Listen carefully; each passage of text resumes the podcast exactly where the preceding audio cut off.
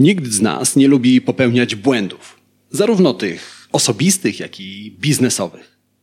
Czy jest coś, co możemy zrobić, aby popełniać mniej błędów? Czy jest coś, co możemy zrobić, aby nasze projekty, aby nasze decyzje częściej kończyły się sukcesem? Jest. A z tego odcinka podcastu dowiesz się, co to takiego. To jest podcast Marketing z głową. Źródło wiedzy dla przedsiębiorców, handlowców i marketerów, czyli dla osób, które chcą sprzedawać lepiej i chcą sprzedawać więcej. Zaprasza Łukasz Chodorowicz. Zanim zaczniemy, pamiętaj, że więcej informacji o tym, jak zrozumieć klienta, jak robić lepszy marketing i jak więcej sprzedawać, znajdziesz w moich newsletterach. Tak, są dwa. Jeden darmowy, drugi płatny. Linki do obu znajdziesz w opisie tego odcinka podcastu.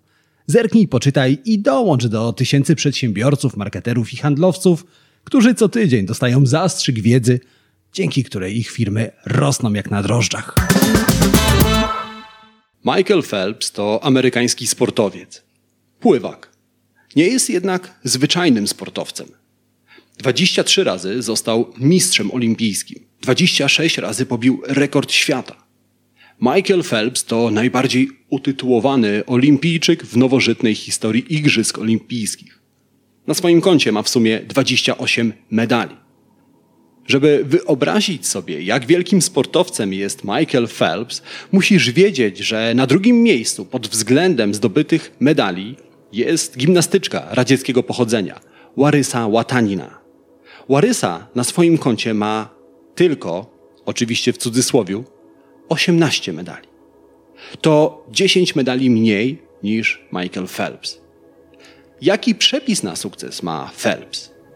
Oczywiście ciężka praca, wyczerpujące treningi i predyspozycje genetyczne. Ale nie tylko. Część treningu Phelpsa dotyczy jego psychiki. Phelps wyobraża sobie z najdrobniejszymi szczegółami każdy wyścig. Odgrywa w głowie scenariusz perfekcyjnych wyścigów. Skok do basenu. Wyobraża sobie, jaką temperaturę ma woda. Czuje moment zderzenia z wodą. Następnie dokładnie wizualizuje każdy ruch ciała i prędkość, z jaką popłynie. Raz za razem, aż do końca wyścigu, gdy spogląda na tablicę wyników i zauważa, że pobił kolejny rekord. Wygrał. Ale na tym mentalny trening Phelpsa nie kończy się. Michael wyobraża sobie moment, gdy stanie na podium. Wizualizuje sobie ciężar złotego krążka, który sędziowie zawieszają na jego szyi. Czuje zapach kwiatów, które wręczają mu organizatorzy. Phelps nazywa ten trening odgrywaniem mentalnych taśm. Puszcza w głowie mentalne taśmy każdego wyścigu. Nie raz, nie dziesięć razy. Phelps robi to setki razy przed każdym wyścigiem. Dokładnie to zrobił 13 sierpnia 2008 roku na Olimpiadzie w Pekinie, tuż przed wyścigiem na 200 metrów stylem motylkowym. Ten wyścig był najważniejszym wyścigiem w życiu Phelpsa. Na szczęście wszystko przebiegało idealnie. Michael był rozluźniony i niesamowicie skoncentrowany.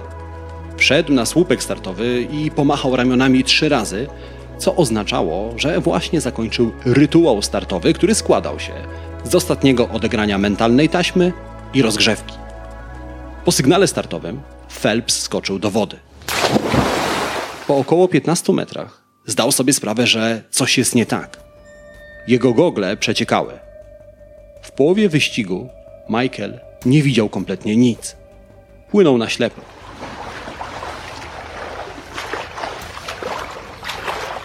Wyobraź sobie, co musiał czuć w tym momencie sportowiec. Właśnie brał udział w najważniejszym wyścigu w jego życiu. Ten wyścig Phelps odgrywał w głowie setki razy. Za każdym razem, przynajmniej w jego głowie, wyścig kończył się sukcesem. Tym razem miał się zakończyć porażką. Gdy Phelps dopływa do końca, zdejmuje gogle i przeciera zalane od wody oczy, spogląda na tablicę wyników. Okazuje się, że zdobył złoty medal. But no problem for Michael Phelps. New world record and gold medal number one of these. Żeby ustalić, jak do tego doszło i zrozumieć, jak pomimo przeciwności Michael Phelps ukończył wyścig i do tego zdobył złoty medal, musimy porozmawiać o wyobraźni. Nasz umysł często nie rozróżnia rzeczywistości od wyobraźni. Wystarczy, że wyobrazisz sobie soczystą cytrynę, a twój organizm natychmiast zacznie produkować więcej śliny, która wypełni twoje usta. Dlatego wyobraźnia działa jak symulator. Symulator pozwala nam uczyć się. Raz za razem, odgrywając wyobrażone scenariusze, możemy wyciągać z nich wnioski i możemy na ich podstawie uczyć się. Strażacy, którzy wielokrotnie analizowali pożary z udziałem swoich kolegów, lepiej przewidywali zagrożenie, lepiej przewidywali, w którym miejscu może dojść do wybuchu lub gdzie zawali się ściana. Właśnie dlatego, że pozwolili swojemu symulatorowi odgrywać scenariusze i uczyć się na ich podstawie. To, że wewnętrzny symulator istnieje, potwierdzają liczne badania. W pewnym badaniu naukowcy poprosili uczestników eksperymentu, aby wyobrażali sobie, że jedzą obiad. Po zakończonym eksperymencie okazało się, że ci ludzie w ciągu dnia zjadali mniej. Coś niesamowitego dzieje się z naszym ciałem, gdy uruchamiamy wyobraźnię. Właśnie dlatego psycholodzy dodali do treningu Michaela Phelpsa odgrywanie mentalnych taśm. Jednak Michael Phelps zrobił coś więcej. Coś, co pomogło mu wygrać złoty medal w Pekinie podczas feralnego wyścigu. W książce Złote Zasady Bob Bowman, trener amerykańskich pływaków, napisał, że Phelps odgrywał mentalne taśmy do znudzenia. Dosłownie. Zmęczony wyobrażaniem sobie idealnych wyścigów, idealnych scenariuszy, Michael zmodyfikował swój mentalny trening. Oprócz idealnych scenariuszy, zaczął wyobrażać sobie najgorsze możliwe scenariusze, a dokładnie co złego może wydarzyć się podczas zawodów. Nawet to, że Michael traci wzrok. Następnie wyobrażał sobie, co zrobiłby w takiej sytuacji, jakby się zachował, jakby popłynął. Liczył, ile razy musiał machnąć ramionami w wodzie, zanim dopłynął do końca basenu.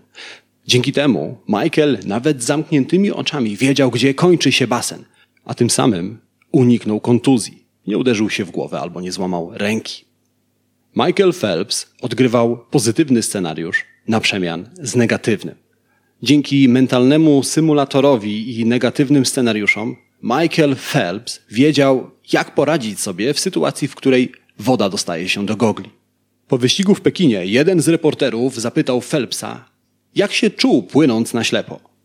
Phelps odpowiedział, dokładnie tak, jak sobie to wyobrażał. I was, I was taught at a very young age just to uh, visualize. Um, so I literally, so for me, it was visualizing a race. It's how I wanted it to go, how I didn't want it to go, and how it could go. So in 2008, when my goggles filled up with water, I was relaxed because I reverted back to what I did in training. So you were swimming blind. I swam blind for 175 meters out of a 200 fly. One gold and broke the world. W 1991 roku naukowcy przeprowadzili badanie. Poprosili kobiety, które aktualnie były na diecie i walczyły z nadwagą, o przeprowadzenie mentalnego ćwiczenia. Kobiety miały wyobrazić sobie pomyślny przebieg diety. W idealnym scenariuszu kobiety wyobrażały sobie, że szerokim łukiem omijają budki z fast foodami, że nie muszą chodzić do restauracji na biznesowe spotkania i nie kuszą ich kaloryczne desery. W pozytywnym scenariuszu dieta kończyła się, a kobiety traciły zbędne kilogramy, odzyskiwały smukłą sylwetkę. Jednak w eksperymencie brały udział również kobiety z drugiej grupy. Tym kobietom naukowcy kazali wyobrazić sobie pozytywny scenariusz oraz negatywny. W negatywnym scenariuszu częściej zdarzały się sytuacje, które mogły zagrozić diecie. Na przykład kolega z pracy przynosił pizzę albo miał urodziny i przynosił ciasto. A więc kobiety z drugiej grupy podobnie jak Michael Phelps, wyobrażały sobie sytuacje, w których coś mogło pójść nie tak.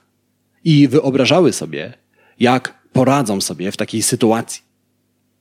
Pod koniec eksperymentu okazało się, że kobiety, które wyobrażały sobie pozytywny i negatywny scenariusz, gubiły średnio dwa razy więcej kilogramów aniżeli kobiety, które wyobrażały sobie tylko pozytywny przebieg diety. Zdaje się, że Michael Phelps intuicyjnie wiedział, że lepsze wyniki osiągnie, jeżeli tuż obok pozytywnego scenariusza zacznie wyobrażać sobie porażkę. Takie naprzemienne wyobrażanie sobie pozytywnych i negatywnych rezultatów naukowcy nazywają mentalnym kontrastowaniem. Jak wykorzystać to, aby w nowym roku popełniać mniej błędów i podejmować mniej złych decyzji? Musisz być jak Michael Phelps. Wykorzystaj mentalne kontrastowanie.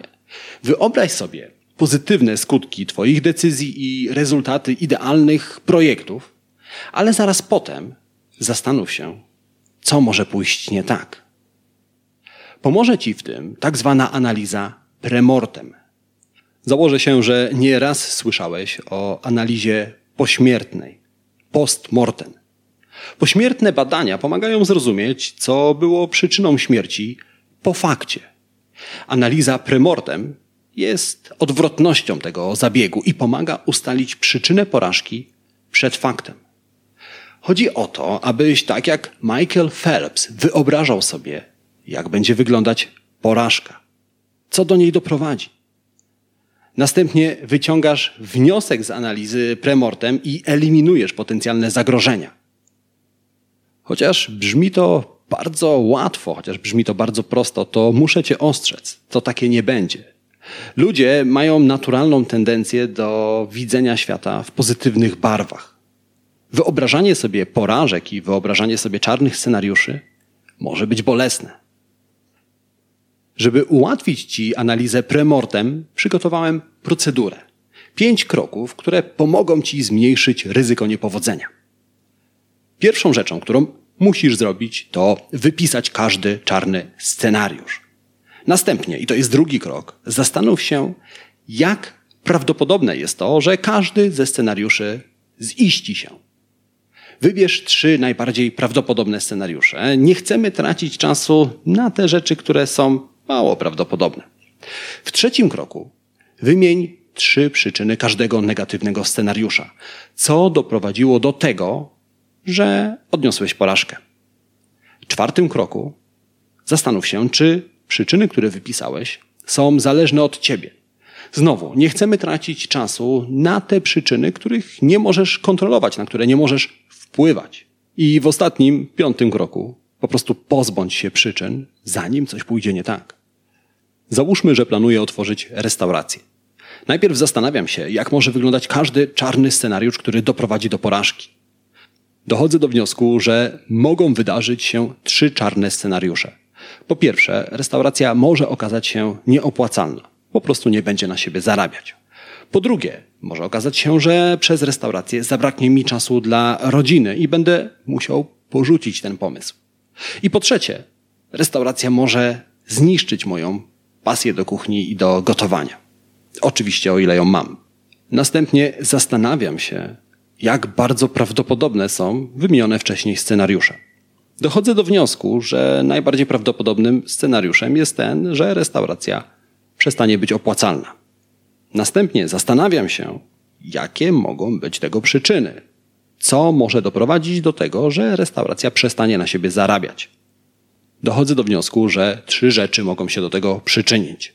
Lockdown, to, że klientom nie smakują dania i to, że konkurencja obniża ceny i odbiera mi klientów. Teraz muszę zastanowić się, na które z tych rzeczy mam wpływ, które mogę kontrolować. Oczywiście nie mam wpływu na lockdown, nie mogę zatrzymać lockdownu, natomiast mam wpływ na jakość i smak dań i mogę przygotować się do ewentualnej wojny cenowej z konkurencją. I koncentruję się właśnie na tych dwóch rzeczach. Staram się ich albo pozbyć, albo staram się zminimalizować ryzyko, że wystąpią. Wyobrażając sobie czarny scenariusz, odsuwasz od siebie widmo porażki. Pozwalasz, aby twój mentalny symulator przeprowadził analizę, wyciągnął wnioski i nauczył się, jak radzić sobie w sytuacjach kryzysowych. Żeby jeszcze ci to ułatwić, żeby analiza premortem była jeszcze łatwiejsza, mam dla ciebie prezent. Ale zanim ci go przekażę, gorąca prośba. Jeżeli znasz kogoś, komu wiedza z podcastu Marketing z głową również może się przydać, udostępnij podcast dalej. Możesz to zrobić w mailu, możesz to zrobić na Messengerze, możesz udostępnić podcast na Facebooku. Jakikolwiek sposób będzie rewelacyjny. A jeżeli tak się składa, że słuchasz mnie w Apple Podcast, wystaw recenzję pod podcastem Marketing z głową.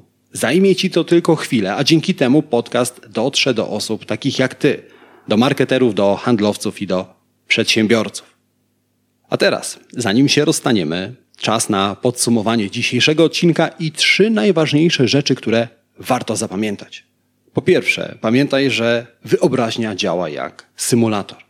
Dla umysłu nie ma znaczenia, czy wyobraża sobie jakąś czynność, czy rzeczywiście ją wykonuje. Po drugie, pamiętaj o tym, żeby oprócz pozytywnych scenariuszy wyobrażać sobie również negatywny przebieg wypadków. I po trzecie, pamiętaj, że pomoże Ci w tym analiza premortem.